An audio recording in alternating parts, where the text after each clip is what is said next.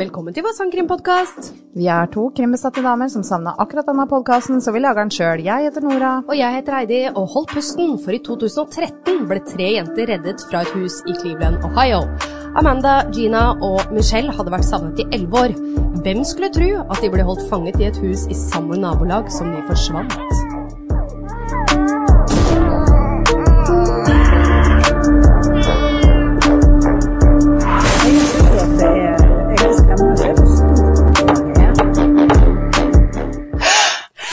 Hallo, Nora! Altså, det er så gøy når du danser den introen. Ja. Jeg rakk det akkurat ikke. Dammit! Vi kunne nesten tatt den om igjen. Ja, det hadde vel vært det. Ja. Nei, stakkars lyttere. Stakkars lyttere. Stakkars. Du, så eh, gøy! Ja. Det, jeg eh, har vel lest om denne saken du skal ta. ja. Um, den er jo dritspennende. Eh, den er det. Hvorfor har du ikke tatt den før? Eh, Du, vet du hva, det her har vært eh, Jeg har liksom sånne litt sånn f- Altså s- innen true crime, da, så Ja. har jeg litt sånn eh, saker som har satt seg på hjernen. Ja. Det her er en av dem. Ja. Og så har du Elisabeth Smart, Ja. eh, JC Lee Dugard, Ja. eh, du har Natasha Kampers. Alle disse sakene her. Og Fritzel, da, for eksempel. Ja. Det her er den siste. Ja, du eh, har Det er de hvor folk blir fanga over lengre tid. Ja, det er merkelig, vet du. Der er du. Der er jeg. Hvor er jeg?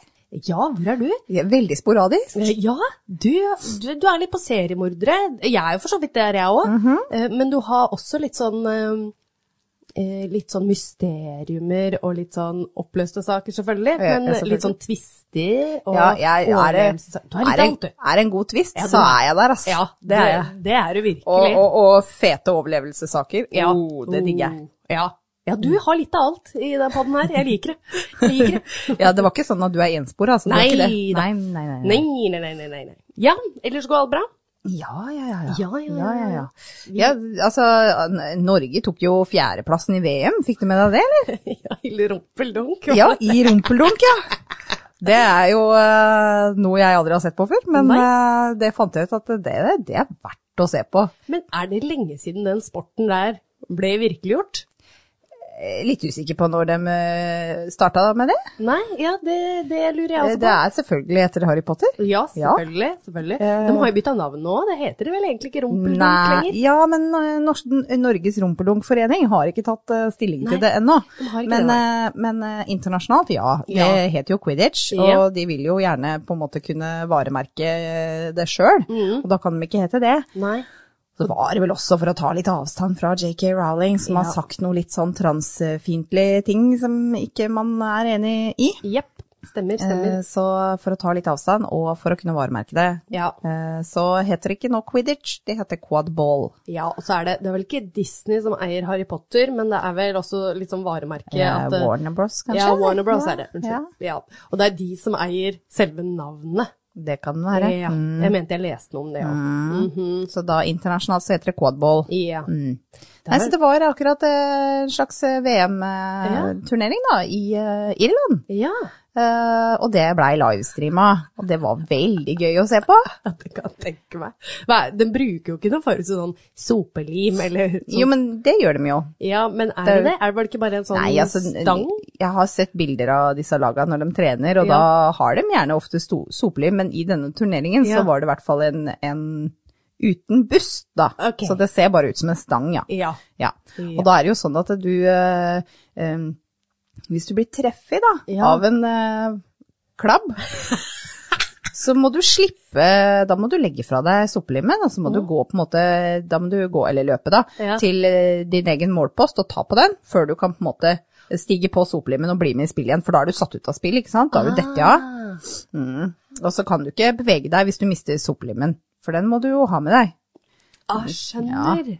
Aha. Veldig Ja, for jeg har gøy. sittet og lurt på hvordan det er, og de som eh, får tak i snitchen, da, eller den Ja. gule Gullsnoppen. snoppen. Det er jo så genialt løst, det er så Ja. elegant. Det er eh, etter 18 minutter så kommer gullsnoppen i spill, Aha. og da er det en eh, som er nøytral, Ja. som eh, har på seg gult. Ja, eh, Og så har de da en hale, gjerne da en tennisball i en eh, sokk. I en sånn strømpe som henger bak på rumpa. Og så er det to eh, eh, speidere som går ut på banen og skal ta den eh, snoppen. Og da et- får får du 30 poeng til laget ditt da, hvis du greier å ta den. Men da er det sånn at eh, den, eh, han som er snoppen, han Mm. kan bruke alt mulig av makt for å unngå å bli tatt. Så han bare dytter dem over ende. Det er ganske fysisk sport, altså. Ja, ja, ja. Det er ikke noe Men tull, hvordan dette i her. helsike tar du den? Da skjønner jeg ikke Du må, jo få, du må jo komme deg rundt og få tatt den halen, da. Å ja, det er halen du Ja, skal ta fram? ja, ja, ja, ja. Ok, jeg Det er, den skjønner. ba- det er tennisballen som er i Ja. sokken som henger ut bak. Utbrak. Jeg skjønner. Ja, men da har jeg skjønt det. For ellers da, hvis han kan bruke fysisk makt, liksom, for å ikke bli tatt, Ja, ja, ja. så blir det ja, liksom ja. Ah, ja, men da er jeg med. Du må bruke list. Du må være litt slu. Faen, for en sport. Kjempegøy. De Ja. har jo flere lag i Oslo. Det er et lag i Trondheim òg, tror jeg. Jeg lurer bare på om vi skal starte et i Drammen. Ja, fy fader. Er du med? Jeg er med. Du er med? ja. Herregud. Hvilken stilling vil du ha, da? Eh, ja, hvilken stilling vil For da har du jo eh, speider, ikke sant, Ja. som tar den snoppen. Ja. Um, og så da, da er det jo greit å kanskje være litt sånn eh, rask og, og Ja. sånn, så jeg tenker jeg er ikke noe speider. Nei, nei. Nei. Eh, og så har du, tror jeg det var tre stykker som er ehm, eh, Nå husker jeg ikke hva heter det igjen, da. De som scorer mål? Ja. Eh, ja, jagere. Jagere, ja, ja. Og så er det en som også er keeper. Ja. Og de har ehm, Jagerne har vel hvite pannebånd? ja. Eh, Ja, for det er viktig, skjønner du. Ja, de har ja. hvite pannebånd, Ja. og så keeperen har grønt. Ja. Men keeperen kan også skåre mål, men han skal også på en måte da forsvare. Men de som er foran mål, kan, kan hindre at det blir skåring. Ja. Så de skårer mål med da én ball som ser ut som en eh, håndball, ja, ok. Ja. eller volleyball. Mm. Ja. Eh, og så er det de som er eh, eh, knakkere. Eh, de har klabber eh, som ser ut som en basketball. Ja. Og det er de som skal på en måte jobben deres, er bare å slå ut de andre. Ok. Eh, så de bare pælmer den ballen. Det er litt sånn volleyball, ikke sant? Ja, Nei, ikke ja. volleyball, kanonball. Kanonball. Ja, Ja, så ja. Ah. de bare pælmer den på de andre. Og hvis du da er den som har den målskåreballen, Mm. så må du slippe den Ok. når du blir truffet av klabben. Ja, skjønner. Ja. Herregud, det her er alle. Det er både fotball, volleyball, stiv heks. Ja. Eh, alt det der. Absolutt Å, alt. fy fader. Det er Eh, ikke bare bare, det. nei, Nei. dette er, det er jo den- ordentlig fysisk hard sport, altså. Ja. Og det å forsvare et mål mens du må holde en sånn Ja, pinne mellom beina Du det har òg. jo bare én hånd. Én hånd. Det er- Herregud. ja. Jeg, jeg, jeg suger jo på å kaste ball i tillegg. Ja, jeg er ballredd. Ja, Så Mm. jeg, jeg tror jeg måtte vært eh, sånn eh, som skulle ta tak i den eh, Du måtte ha vært en eh, speider, ja. Mm. Speider, ja. Mm, ja. Mm. Du er jo kledd i- helt i gult her Ja, i dag, så yes. du hadde jo egentlig passa til å bare være snoppen. Ja, eller sånn snoppen, ja. Oh my god. Ok, men jeg skriver deg på laglista. ja gjør det, gjør det. gjør det. Å, fy fader. Jeg må finne opp noe kult sånn eh, lagnavn, da. Ja, det er sant. Eh, Jeg, jeg tenkte litt på, for å liksom ikke kalle det rumpeldunk, kan Ja. kalle det drammendunk. Drammen dunk. Fy fader. Du vet, vi har et ishockeylag i Drammen. Vi har ikke noe ishall, men vi har et ishockeylag, Nei, ikke sant? og de Ja. heter River Rats. Å, det er så jævlig fett navn! ja, det var det for så vidt. Ja, Ja. sånne elverotter. Elverotte. Jeg Ja. skulle akkurat si på nesten eh, ta Ja. det på norsk. Ja, River Rats, men det er kult da. Eh, Så det hadde vært gøy å ha noe ordspill på det også. Vi er jo en elveby, så Er det? ja. Men, Sier så, i eh, Mm. hvert ja, fall. Drammen Dunk, jeg likte det også. ja. Elvedunk. Elvedunk. Med æ, selvfølgelig. Med æ, ja. Ja. Ja, ja, ja. ja. Drammen! Drammen. Elvedunk. Ja da. Nei, altså det er jo en grusbane på andre siden av veien her. Jeg vet ikke om man må ha gress, ja, men den er jo aldri i bruk. Nei, det er sant. Ikke sant? Man må jo ha et sted å spille. Ja. Ja. men samtidig grus er det så deilig å tryne Eh, på. nei. Nei, og jeg, Timmy, altså jeg tryner jo på alt. Ja. Ja, det har en historie der. Ja. Så, ja, oh yes. Jeg har faen meg klart å tryne på en eh, tredemølle.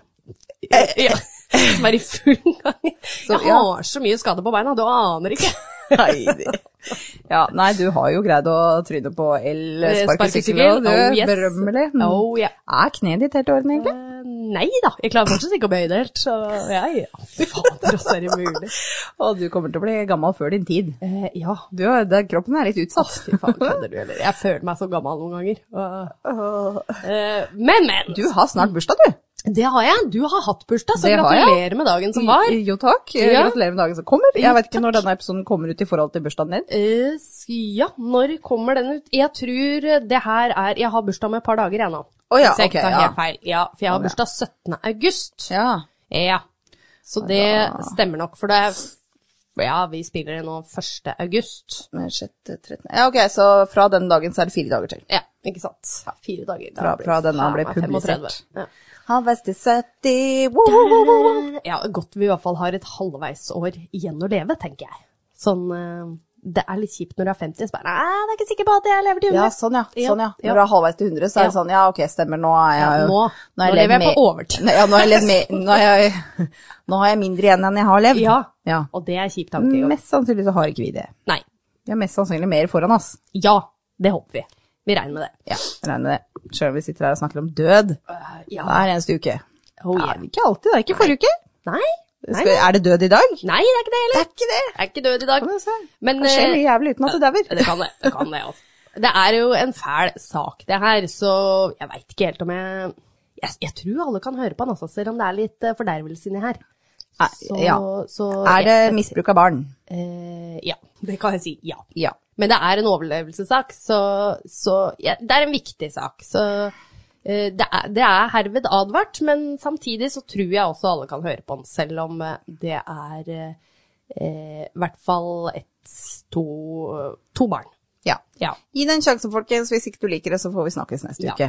ja, og dere har mest sannsynligvis hørt om det nå, så Ja. da er det ikke, jeg kommer ikke med noen mer grufulle hendelser enn det som eh, er der ute. Men du har ikke gjort noe revolusjonerende etterforskning, er det det du sier? Jo, jeg har egentlig det, for jeg har lest bøkene til jentene. Så... Nei, har du det? Ah, Ja, ja, ja, ja, ja. Men det er lenge siden, da. Herje Grundig! Nei, ja, ja. Jeg skal Ja. ikke stå på det.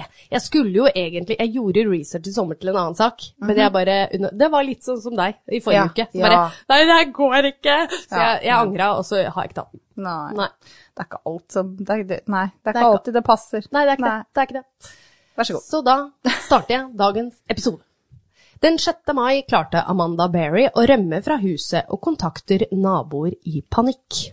Så nå skal dere få lov til å høre på en 911-samtale fra Amanda. Help me, I'm Amanda Berry. I'm the police. Okay, and what's going on there? I've been kidnapped and I've been missing for 10 years and I'm, I'm here. I'm free now.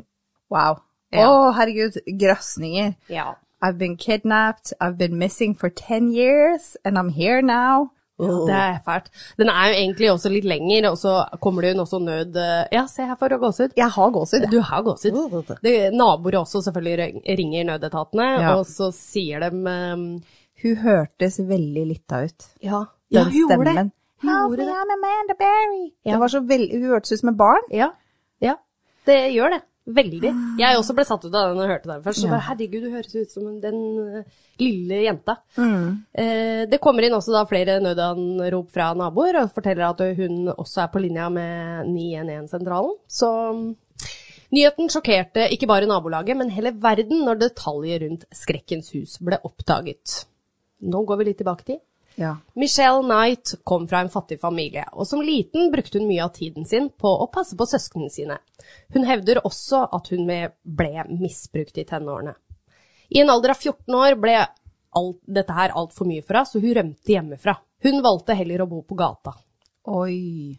Men til slutt så bestemte hun seg for å flytte hjem igjen, for så da å fullføre skolen. Når Michelle var 18 år, så ble hun gravid, og ifølge henne så var dette et resultat av voldtekt. Ni måneder senere så ble lille Joey født. Selv om hun ville være den beste tenkelige moren for sin sønn, så mistet hun omsorgen for han i 2002. Og dette var da tydeligvis en hendelse mellom moren og hennes daværende kjæreste, da. Som, det skjedde et eller annet som endte med at Joey da datt, og så brakk beinet. Nei. Jo. Mellom Michelle og kjæresten sin, eller m- Moren. bestemora, liksom. Ja. Bestemora til Joey. Ja. Bestemora til Joey og hennes daværende kjæreste. Oi, det hadde jo ikke noe med Michelle å gjøre i det hele tatt. Nei. Marerittet startet 23. august i 2002, når Michelle forlot hjemmet til et familiemedlem. På vei til et møte med barnevernet gikk Michelle seg bort og ble stoppet av en mann. Hun var da selvfølgelig, Dette møtet med barnevernet var jo for å da prøve å få omsorgen tilbake for Joey. Denne mannen gjenkjente hun som faren til en av venninna henne. Å stole på denne mannen var hennes største feil. Ariel Castro, som var på denne tiden 42 år, jobbet som bussjåfør for Cleveland-skolen-distriktet, og var en lokal musiker. Han hadde fire barn, men ingen av dem bodde hos han.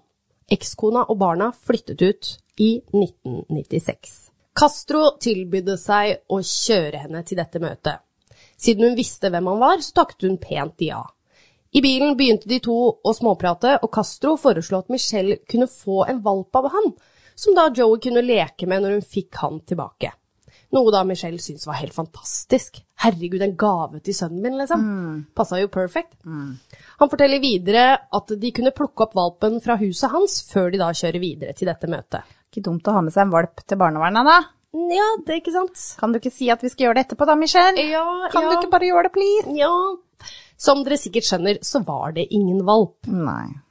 Castro har mest sannsynligvis drømt om å ha kidnappet noen, og så sitt snitt når han møtte Michelle. Når de ankommer huset til Castro og Michelle gikk inn, hadde hun ingen anelse om at hun aldri skulle få lov til å reise derfra. Så fort de var på innsiden av døra, slo Castro til. Han surret en skjøteledning rundt hal- rundt halsen hennes, bandt armer og bein og stappet en sokk inni munnen hennes. Castro sa så til henne, du skal ikke reise her på en veldig lang tid, mens han begynte å kle av seg. Livredd av skrekk begynte Michelle å bønnfalle han om å la henne få gå. Hun måtte jo tross alt til sønnen sin. Castros reaksjon var å rive i stykker bildet hun hadde av sønnen sin, og sa at hun aldri skulle få se sønnen sin igjen. Han holdt henne fanget i kjelleren i flere dager, hvor han plasserte en motorsykkelhjelm over hodet hennes. Michelle ble voldtatt og banket opp flere ganger daglig. For å dempe gråtingen og skrikingen hennes spilte han høy musikk. En gang fikk Michelle en hund som skulle holde henne med selskap, men så fort den begynte å bite Castro, da for å beskytte Michelle, så brakk han nakken på denne hunden. Nei! Å, så søt! Han vil jo bare beskytte Ja. henne. Å, herregud! Ja, jeg veit det. Åh. Castro bodde alene, så det var ingen som kunne snuble over at han hadde gjemt Michelle i huset. Moren til Michelle var den som men- meldte henne savnet til politiet. I rapporten sto det hva hun hadde på seg når hun sist ble sett, og at Michelle hadde en psykisk sykdom som gjorde hun at hun fort kunne bli desorientert. Noe som da kan ha oppstått den dagen Castro fant henne. Faktisk, ja. Ja, for hun, hun hadde jo gått seg bort, ikke sant? Ikke sant? Selv om Michelle ble kidnappet midt på lyse dagen, så trodde politiet at hun hadde rømt hjemmefra. Selvfølgelig. Men, men, noen- men altså, og det, vi leser jo stadig om saker hvor de tror det, og blir forbanna og irritert for det, for det at eh, hallo, selv om en 13-åring rømmer hjem- hjemmefra, så skal du liksom følge opp. Ja. Men, men, men hun hadde jo gjort det før. Ja, det er nettopp det. Og det er merkelig hvordan politiet da tenker automatisk at eh, ja, men da har jeg gjort det denne gangen òg. For det er jo mange tilfeller da, spesielt i USA, hvor det faktisk er tilfellet, mest sannsynligvis. da. Jeg veit ikke. Eh, ifølge dem da, så hadde hun jo tross alt gjort dette før, som du sier. De begrunnet denne teorien ved at hun hadde mistet omsorgen for Joey, og at hun da kunne starte på nytt. Letingen etter henne ble dessverre ikke en prioritering for politiet. Det er veldig trist er at, veldig de trist. Ikke, at de tenker at eh, nå har hun mista omsorgen, og da kan hun starte på nytt. For det var jo ikke det hun ville. Mm. Nei. Hun var jo, ville jo ha han tilbake. Ja. Da føler jeg liksom at de har jo ikke eh, undersøkt noen ting og funnet ut noe om henne i det hele tatt. For det, jeg er sikker på at hvis de hadde snakka med mora og familie og venner og sånn, så hadde de sikkert fått greie på det at det, hu- det var he- absolutt hennes ønske å få tilbake han. Ja, og det kunne vi jo sett i papiret nå fra barnevernet, tenker jeg da. Om Ja. hun har deltatt på møter, Ja. alt dette greiene her. Og uansett da i tilfeller som det her, så tenker jeg det er bedre å være safe than sorry. Ja. At du faktisk gjør en etter ettersøkelse, kommer Ja. den tilbake, så åh, ja, men da har i hvert fall vi Ok, alt vårt du, på det du, reine. du har stikket av til Denver, eh, men du har det bra og er trygg? Greit. Mm. Ja, ikke sant? Bedre det. Ja. Michelles sak ble fort glemt, og navnet hennes ble tatt bort fra savnede personslista, dvs. Si databasen, da. Herregud. Ja, og dette skjedde da 15 måneder etter at hun ble meldt savnet. Så det er jo ikke lenge etterpå. Litt over et Nei. år. Ja. Moren til Michelle derimot ga aldri opp håpet og lette mye aleine etter datteren sin. Sønnen til Michelle ble senere adoptert av en annen familie. Michelle prøvde å rømme fra skrekkens hus. Under forsøket skadet hun nakken og ryggen så voldsomt at hun ble redd for å prøve igjen. Hun sa senere vi hadde ingen måte å komme oss ut av huset på. Selv om vi prøvde, ble vi skadet. Syv måneder etter at Michelle hadde blitt kidnappet, dvs. Si 25. april 2003, gjorde 16 år gamle Amanda Berry seg klar for å reise på jobb. Hun jobbet på en fast food-restaurant og vurderte å ringe inn dit, for hun hadde bursdag dagen etterpå. Og det tror jeg kanskje det er sikkert for å spørre om hun kunne få fri da, den aktuelle dagen. Ja, ja, ja. På vei hjem fra jobben, kun noen få kvartaler fra hjemmet sitt, gikk alt fryktelig galt. En bil var parkert i en oppkjørsel i en sånn vinkel at hun måtte gå rundt bilen. Hun husker at hun smilte til de som satt inne i bilen, og dette var da en mann, også som hun regna var datteren hans. Datteren virket kjent for henne, og hun mente at det var en venninne fra barneskolen. Mens hun gikk videre, la hun merke til at bilen begynte å følge etter henne. Bilen kjørte så opp på siden av henne, og mannen spurte om hun ville bli kjørt hjem. Hun oppdaget at eh, jenta i bilen ikke var der lenger, og når hun kommenterte dette, sa han, denne mannen her, da, at det var datteren hans, og at eh, hun var i huset hans. Da. Eh, videre lurte han på om hun ville møte henne. Amanda hadde gått på skole eh, sammen med to av Castro sine barn, men det hun ikke visste, var at ingen av dem bodde hjemme hos han. Castro brukte disse jentenes bekjentskap til hans egne barn til sin fordel. Alt for å lure de med seg. Når de ankom huset, fortalte Castro at datteren mest sannsynligvis var på badet. Mens de ventet, så begynte han å vise Amanda rundt i huset. De kom opp i andre etasje, hvor han viste henne Michelle, som lå og sov. Så tvang han Amanda inn i soverommet ved siden av Michelle sitt, og ba henne om å ta av seg klærne sine. Etter Amanda hadde blitt voldtatt, ble armer og bein teipet sammen, og for sikkerhets skyld så tok han et ekstra lag da rundt beina hennes med et belte han hadde. Videre ble hun lenket fast i en strippestang nede i kjelleren og påsatt motorsykkelhjelmen. Castro sa så at hvis hun var stille, så ville han løslate henne og kjøre henne hjem igjen. Den første dagen var Amanda helt aleine, med kun en TV som selskap. Uansett hvor mye hun gråt og skrek om hjelp, var det ingen som kom for å redde henne. Familien til Amanda meldte henne savnet nesten med én gang etter bortføringen. Amanda så via fjernsynet hvordan moren og søsknene hennes desperat prøvde å finne henne. Hun hadde jo oversikt over nyhetene, ikke sant, på denne Å, herregud. etter å ha vært i kjelleren i fire dager fraktet Castro Amanda opp i andre etasje, hvor han lenket henne fast til en radiator på det ene soverommet.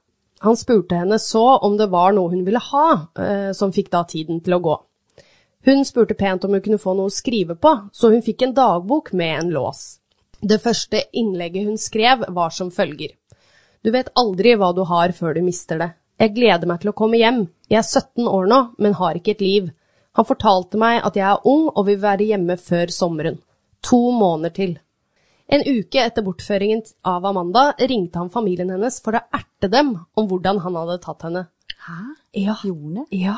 Han brukte navnet Mandy, som er et kallenavn som kun de nærmeste til Amanda brukte. Dette satte et stort støkk i familien. Han påsto også at Ma- Amanda ville være sammen med han. Men eh, hva, hva presenterte han seg som? Nei, det veit jeg ikke. Men blei ikke denne telefonen spora eller tatt opp, eller kan Altså, det er 2003 Mhm. Denne samtalen gjorde at Castro nesten ble tatt. Ja, Mhm. nesten. Så. Ja, nøyaktig to kvartaler unna av å bli tatt. På denne tiden hadde FBI utviklet teknologi som kunne spore opp telefonsamtaler og lokalasjonen til Ja. disse samtalene. Da. Men det funket kun når telefonen var skrudd på. De klarte derimot å få en lokalasjon innen to kvartaler for der Castro bodde. FBI spanet på denne lokasjonen i 14 dager i håp om å finne et livstegn fra Amanda. Men Castro han skrudde aldri på denne telefonen igjen. Så det kan hende at det var en sånn burner phone Ja. eller et eller annet sånt. Og så var han eh, faktisk eh, såpass oppegående at han skjønte at han ikke burde gjøre det igjen. Ja. Det var tusen forskjellige observasjoner av Amanda gjennom årene. Det var til og med rapportert inn om at Amanda faktisk hadde dødd. Mm. Familien hennes ga aldri opp håpet, for kroppen hennes blei jo aldri funnet. Nei.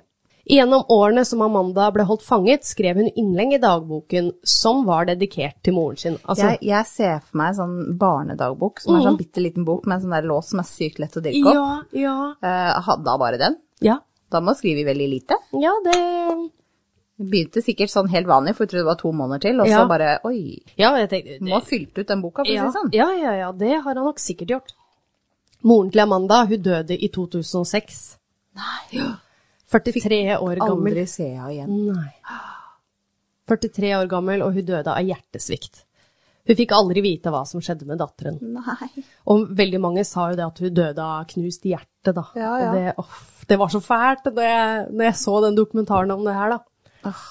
Det er uvisst hvordan Amanda fikk beskjed om morens bortgang, men jentene hadde noen ganger tilgang til TV hvor de så utviklingen i forsvinningssakene Mm. deres. Og da er det Amanda og Michelle som er der nå. Ja.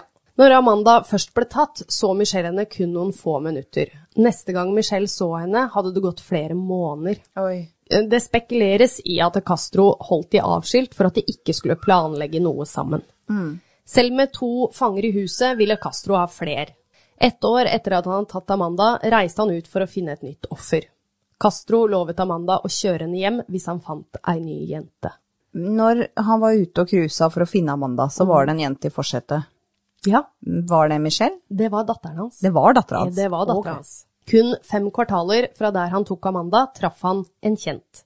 2. april 2004 gikk datteren hans, Arlene Castro, hjem fra skolen med ei venninne, som da var 14 år gamle Gina The Juices The Juices det er, The, the Jesus? det, Ja, hun For heter det, det heter Det er Jesus. Ja, det er Jesus. Ja. Mm. The Jesus. til Jesus. Jentene skulle henge sammen, men så passet det ikke helt for moren til Arlene, altså dattera hans. Ja. Mm. Gina begynte så å gå den lange veien hjem. Og på vei hjem så ringte hun moren sin for å si at hun var på vei. Arlene var den siste personen som så Gina eh, før hun forsvant. Altså Gina, jeg kan si Gina. Du kan da. si Gina. Ja, ja. Castro kjente faren til Gina godt, så da han stoppet opp ved siden av henne, så ble hun ikke redd. Castro spurte så om hun hadde sett Arlene, hvor hun da svarte ja. Han eh, lurte eh, så på om hun eh, kunne hjelpe ham å finne henne, noe hun eh, ikke så på noe som problem i det hele tatt, så hun satte seg inn i bilen hans.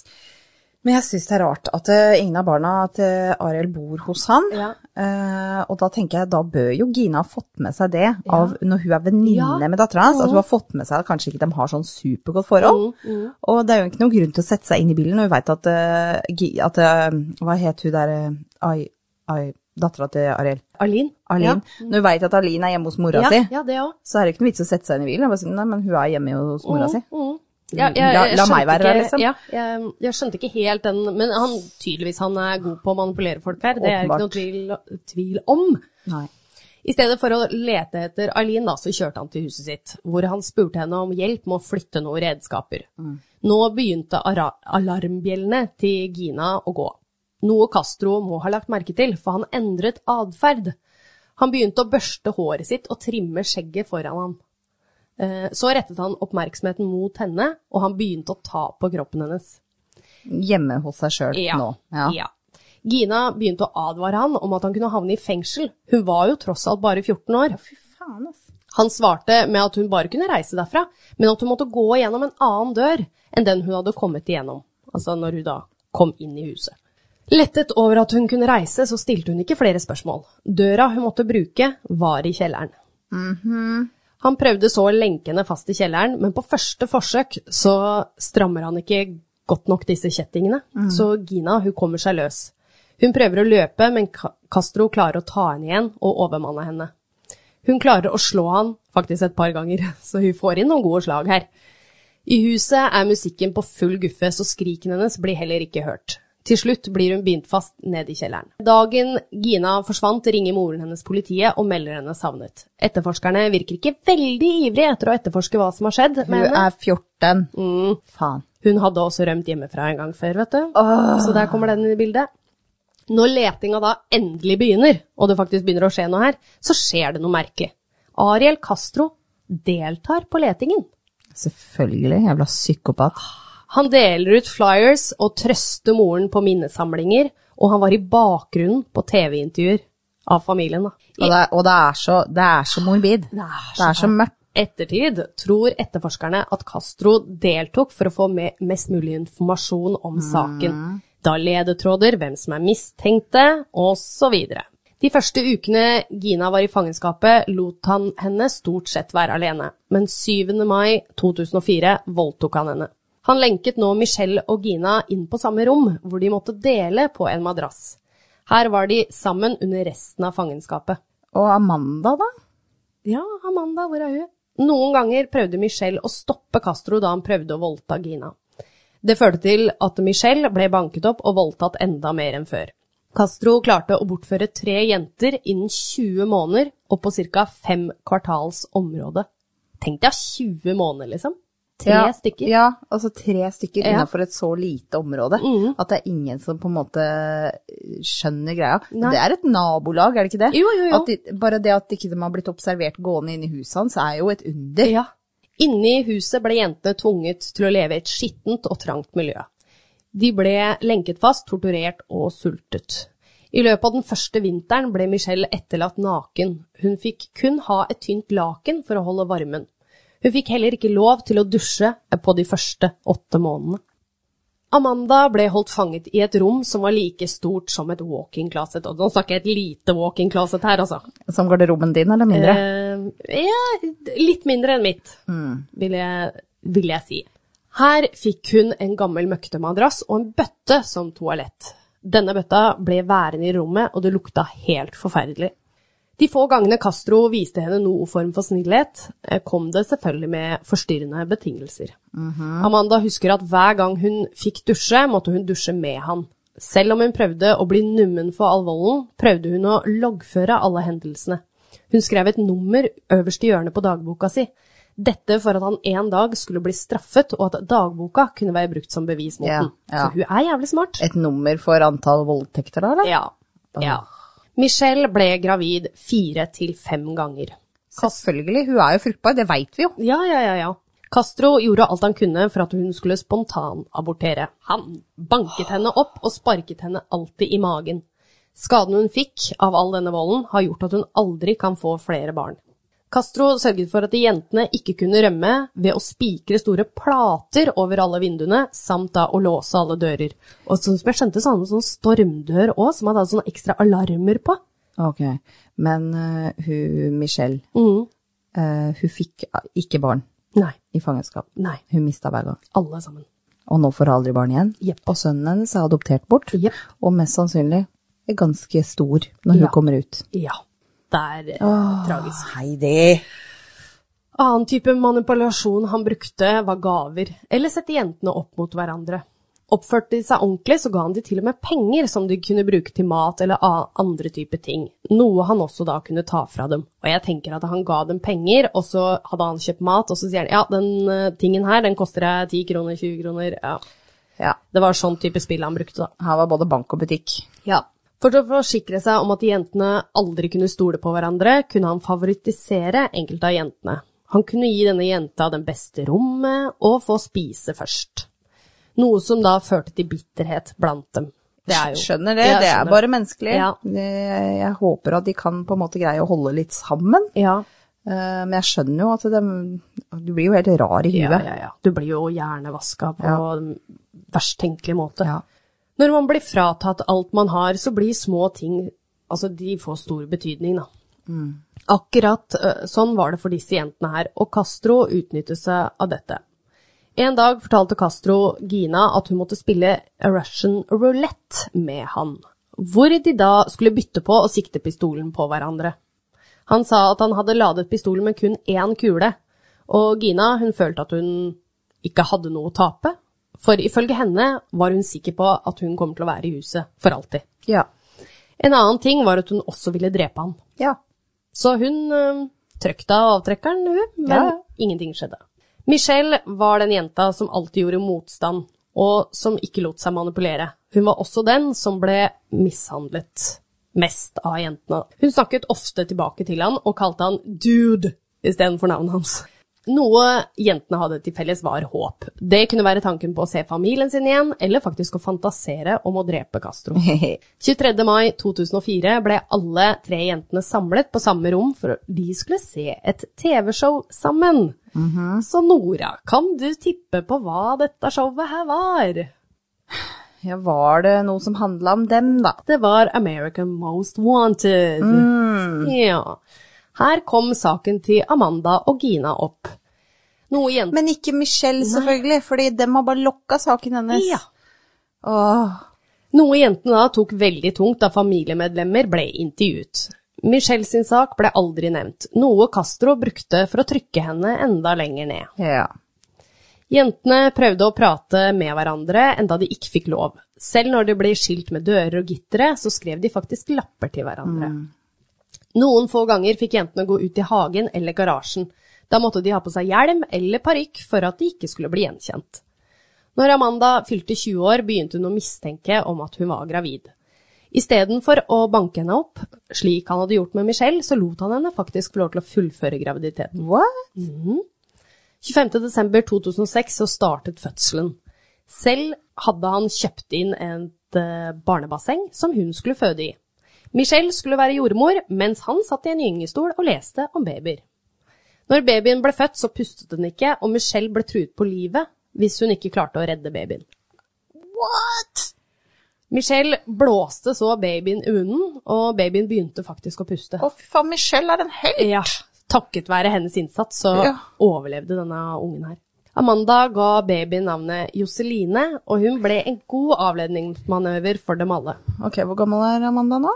20. 20, og så kaller hun ungen sin for Joseline. Mm. Jocelyn. Ja, Joseline. Ja.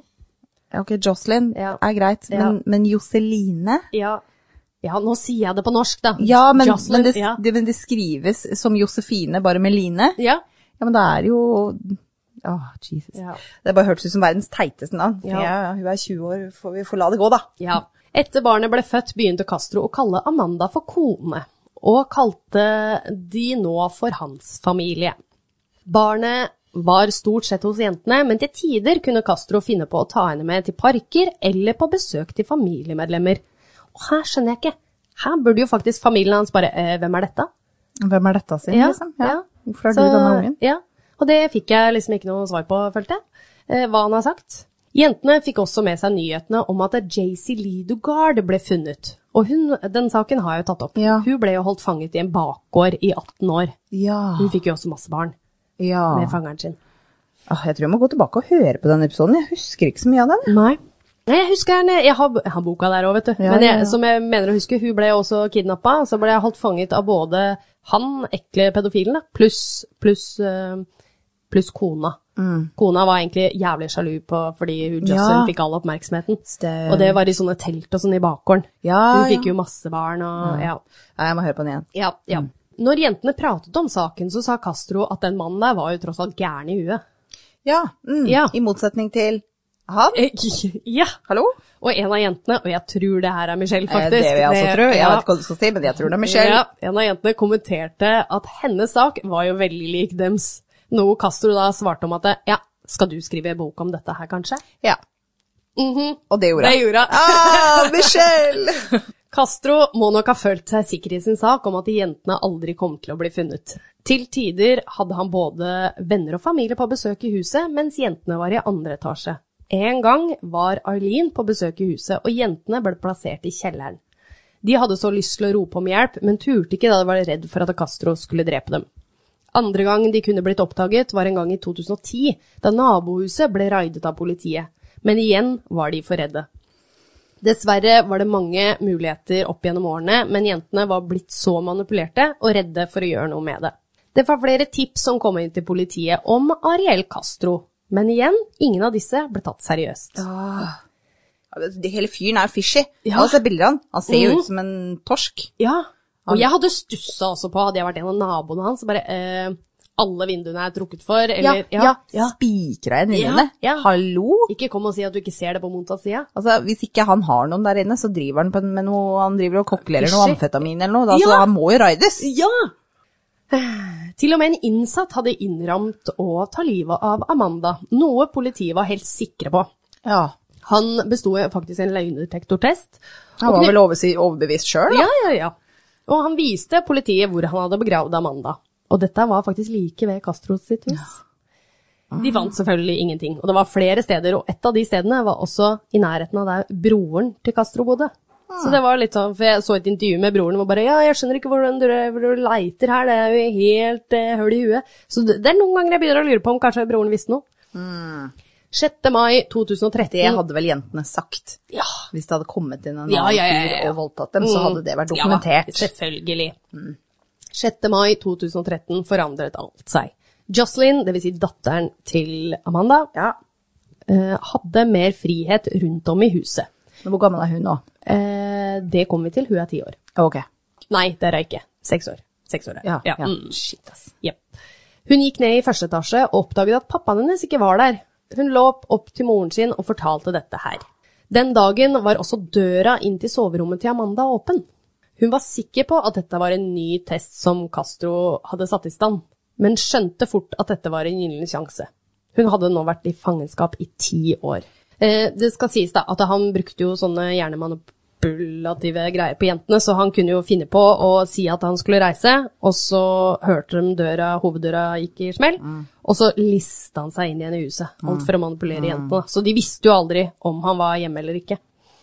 Amanda bevegde seg sakte ned i første etasje, og ved hoveddøra er alt låst. Men hun hadde så viljestyrke at hun klarte å få et liten åpning da, i døra eh, nederst. Derfra stikker hun armen ut og skriker om hjelp for full hals. Gina hørte alt fra andre etasje og var livredd for at det var Castro som hadde oppdaget Amanda. Så hun sa jo bare 'Michelle, vi må gjemme oss'. Altså, hun var helt livredd. 75 år gamle Aurora Marty hørte skrikene om hjelp, og da hun så en arm stikke ut av døra, løp hun til huset. Shit. Jenta bak døra sier 'Jeg er Amanda Barry'. Aurora skjønner ikke mye engelsk, for hun snakker spansk. Jeg tror det er litt sånn spanskt miljø i dette Ja. nabolaget her. Men hun kjenner igjen navnet, og hun skjønner jo ingenting. Er ikke Amanda død? På grunn av hennes senebetennelse så sliter hun med å få opp døra.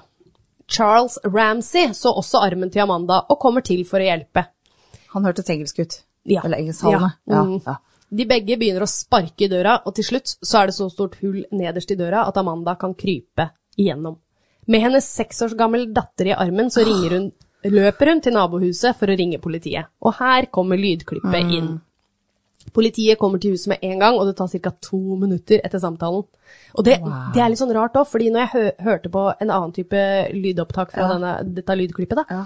så sier politiet, at, eh, eller nødsentralen, da, at eh, ja, vi skal sende en bil så fort det er noe ledig noen. Og hun bare nei, jeg trenger det nå! Det er så bra, Ja. Amanda. da. Og Ja. bare nei, jeg kan ikke vente! Bra. Veldig bra. Liksom, å, unnskyld, beklager, jeg har bare vært borte i ti år, det går fint, jeg Ja. kan vente. Nei, jeg trenger det nå! Ja, jeg, så jeg, jeg Bra. tror ikke de trodde på det. Det er bare, å, dette er en hoax. Og det, det trodde politiet også i starten. Da. Mm. Men Når politipatruljen kommer, da, så blir de vinket på Amanda og hennes datter, og de oppdager fort at dette er alvorlig. Ja, fuck. Hun Ja. forteller så politiet at hun ikke er alene i huset. To betjenter kommer seg inn via hull i døren, og når de beveger seg opp i andre etasje, så finner de Michelle og Gina. Å, herregud, tenk så fantastisk. Mm. Har du vært fanga inne så lenge, og så kommer politiet Mm. inn døra. Åh, Michelle er nå 32, Amanda 27 og Gina 23. Og det ja, åh, det er fælt, men eh, når de kom opp i andre etasje, da, og faktisk Michelle skjønte, for hun var den som hadde gutsen nok til å på en måte se hvem dette var, Mm. og så ser hun liksom politibetjenten, og hun bare kaster seg i armene på han, og bare 'ikke forlat meg', 'ikke forlat meg'. Å, det var fælt, altså. 14 år har hun vært borte da. Hun var 18. Tenk det, ja. Nei, hun var 21. Hun var 21. Å ja, hun var- ja, unnskyld, hun Ja. fikk barn da hun var Ja. 18. Ok, Ja. ok, Ja. hun var 21. Hun var Greit. 21, så det er 11 år da, på henne. Ja, det er helt sjukt, da. Mm. Politiet etterlyser så bilen til Castro, og han blir funnet idet han skulle parkere på McDonald's eh, Hva er det du kaller det for? Parkeringsplass. Ja. Han ble så påført håndjern og arrestert på flekken. Bra. Ja. Like etter dette ble to andre menn også arrestert mistenkt for kidnapping. Det var da Ariel Castro sine brødre, som da het Pedro og O'Neill. Grunnen til at eh, brødrene ble arrestert, var fordi at O'Neill var med Castro da han ble arrestert. Uansett så ble det bare Castro siktet i saken. Etter at jentene ble fri, ble Michelle hastet til sykehuset. Hun fortalte politiet at hun hadde vondt i brystet og slet med å puste. Michelle var så tynn, tynn på denne tiden at politiet trodde hun var et barn. Åh, På sykehuset fant de ut at hun hadde en infeksjon i magen, og hadde ikke dette blitt behandlet, så hadde hun vært død innen få dager. Ikke nok med at hun aldri kan få barn, så hadde hun også fått varig men med synet sitt. Og dette var jo fordi at hun, det som vi har hørt i mange andre saker òg, hun har blitt holdt i mørket så lenge, som gjør at da synet blir skada. Ja. Hun har også fått store skjelettskader, eh, både i hodet og i ansiktet. Så hun, var, for hun hadde knekt kjeven på, masse sånn, så hun hadde mye skader, da. Huset til Castro ble gjerdet inn etter at de jentene ble funnet. Det kom også inn flere meldinger fra naboer om ting de hadde sett ved huset opp gjennom årene. Noen av de ble rapportert til politiet, men aldri fulgt opp. Hvorfor Castro ikke ble tatt før eller mistenkt, kan vi bare spekulere i. Men han hadde ikke et rent rulleblad. Mye vold var registrert, enda han ble sett på som en respektert mann. I 2004, mens han kjørte skolebuss, ble han tiltalt for å ha satt et barn i fare og bortføring. Han hadde glemt en 13 år gammel gutt på bussen, og han ble permittert i 60 dager for denne hendelsen. han har glemt en på bussen. Ja. Og det, det var Så som jeg skjønte da, så var han klar over at denne 13-åringen var i bussen også. Og så var det liksom sånn, nei, vent, jeg står parkert her, og nekta liksom å slippe den av gårde før han skulle inn på Mækkern og spise, eller ja. Han forlot gutten i bilen rett og slett, stengte bussen, og så bare etterpå så bare, ja, nå kan jeg kjøre deg hjem. Jeg måtte google bilder av Michelle, for det, Mm. og så fant jeg et bilde her hvor hun blir eh, ført vekk fra huset. Mm. Og Hun har på seg en grå gren- genser, grå sokker og så bare et pledd rundt seg. Mm. Hun var sikkert ikke så veldig påkledd. Nei. Og så tenker jeg det er Amanda ved siden av med dattera si. Mm. Og så en la han på en båre, det er vel hun Gina, da. Jeg får se. Altså, det er en heavy sak. Ja, det er helt riktig som du sier, ja. Mm. Ja. Du eh, jeg, jeg klarer ikke å vente på bildene. Nei, nei, nei. Det, det kommer. Åh, wow. Han fikk også sparken i 2012 etter å ha forlatt bussen uten oppsyn. Altså, han hadde parkert bussen på sånn derre brannbilparkeringsplass. Han er en allround dust. Ja. Vold mot hans ekskone gikk helt tilbake til 1989. Hun turte aldri å anmelde han, for han truet med å drepe både henne og barna. Castro kom alltid med en unnskyldning for det han hadde gjort mot jentene. Angående voldtekt så mente han at det var med samtykke. Angående å holde de fanget så sa han at han behandlet dem bra. Nope. Og abortene på Michelle så mente han at det var med samtykke fra henne. Ja, gidder du Gidder å skjul- terminere denne graviditeten? Gidder du bare sparke meg litt, eller? Ja. Altså, det er jo så dumt. Han fikk mange diagnoser etter han ble arrestert, og en av dem var narsissist. Han innrømmer også at han kunne blitt tatt av politiet tidligere hvis de hadde sjekket overvåkningskamera like ved barneskolen, og dvs. Si like ved der Gina ble tatt. Han mener FBI var de som hadde skuffet jentene, og ikke han. Hvilken ansvarsfraskrivelse. Ja. Wow. Og dette er jo typisk tegn fra en narsissist. Ja. Ja. Det var ikke meg. Det var ikke jeg som svikta her. Nei, det var FBI. Mm. Kun Michelle deltok på Castros domhøring. Hun sa til han, jeg tilbrakte 11 år i helvete, nå begynner ditt helvete. Fuck yeah. Ah, Suck it, dude. yes. 1. august 2013 ble Ariel Castro dømt til livstid i fengsel etter at han sa seg skyldig i 937 tiltalepunkter for kidnapping og vold. Wow. Og dette gjorde han da for å unngå dødsstraff. Det må være en eller annen slags rekord. Ja! Det er, det er, jeg har aldri hørt om så mange tiltalepunkter. Bare det å lese opp det der. Dommeren må jo ha bedt om lunsj midt i. Ja, ja men ja. Det må ta tid. Han fikk i hvert fall 1000 år i fengsel. Ja. To måneder etter at han kom i fengsel, i 30.9.2013, ble Castro funnet død på cella si. Han hadde tatt sitt eget liv ved å henge seg selv. Han la igjen en lapp i cella hvor det sto 'De som tilstår med hjertet, vil bli reddet'. Ikke han. Nei, Ikke han. Da håper jeg for gudskjelov ikke. Altså Nå hå- åpenbart ikke han, Nei. tenker jeg. Ja, Nei. Altså, for en jævla pingle. Mm. Han orka ikke sitte inne i to måneder engang. Nei. Og jentene har sittet inne i Elleve år. elleve år.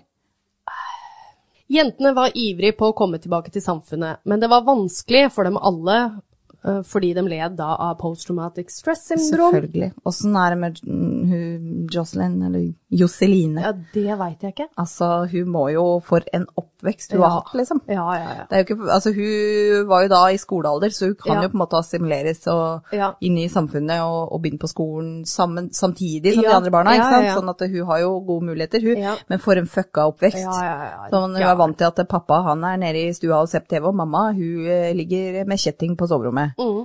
Michelle fikk aldri tilbake sønnen sin, men hun fikk tilsendt mange bilder av han via adoptivforeldrene. Og som hun sa sjøl òg, jeg kan ikke ta han tilbake, selv om jeg vil, så sønnen min har det bra, Ja. har nye foreldre, jeg kan ikke kreve det at jeg skal ha han tilbake. Nei, nei, det er nok ikke best for han, Nei. men jeg håper jo hun fikk treffe han, ja, da. ja, det har at jeg. ikke bare hun Håper fikk jeg. bilder. Nei, jeg får håpe det. Hun har deltatt på mange talkshower, som deriblant Dr. Phil, Jeg som vi er så glad i. faktisk et bilde av det Ja. her. Mm. Og hun har skrevet bøker. Hun har også byttet navn den dag i dag til Lily Rose Lee. Og jeg har boka hennes. Mm. Hun har eh, to bøker, hvis jeg ikke tar helt feil. Amandas hovedfokus var å oppdra datteren, Mm. så noe mer enn det veit jeg ikke om Amanda. Nei. Gina fullførte skolen og tok førerkortet som hun alltid hadde ønsket seg. Og både Gina og Amanda har samarbeidet med bøker om hendelsen. De er fortsatt venner den dag i dag, men de har ikke noe mer kontakt med Michelle. Og det kommer litt av den eh, den psykiske tvangen som han eh, holdt på med, da, med dem. Um, alle tre jentene jobber alle innom temaet forsvinningssaker og overlevende. Så det er det. Wow. Ja. Den er fæl. Ja, fy faen, Heidi. Veldig fæl. Eh, jeg gadd ikke å si så veldig mye mer om han Ariel Castro, jeg. Nei. selv om eh, han er en jævel. Han er en skitstøvel, og nå Ja. er han død. Nå er han død. Han burde sitte i isolat Ja, ja. eh, i minst elleve år, tenker jeg. jeg, min personlige mening er at jeg syns det er mer straff at de kan pine seg i fengsel eh, enn å få billigst utvei med dødsstraff. Nå fikk vi vel faktisk eh, kritikk tidligere i år, fordi Ja. vi satt og sleiva om at eh, folk fortjener det og diverse ting. Ja. Men jeg klarer ikke å la være, jeg, altså. altså. Sorry. Skjæl, skjæl. Eh, ja, de- denne hadde fortjent å blitt eh, låst inn og glemt bort hvor nøkkelen var. Ja. ja, jeg er enig. Det er så eh, pinglete at Ja. han hadde mulighet til å ta livet sitt. Ja. Og Det, det, provoserer meg. ja, og jeg er veldig sånn Vi har jo snakka om det før, om vi er for eller imot dødsstraff og dette greiene her. Mhm. Og ja, Norge har ikke dødsstraff. I enkelte tilfeller skulle jeg ønske vi hadde det. Selv om jeg er ikke for å ta livet av folk. Nei. Men Jeg er fundamentalt imot. ja. Det er bare det at jeg skjønner det innimellom, og jeg hadde, jeg hadde ikke vært så imot i visse tilfeller. Nei. Mm. det Men nettopp det. jeg er egentlig fundamentalt imot. Ja, der har vi det. Ja.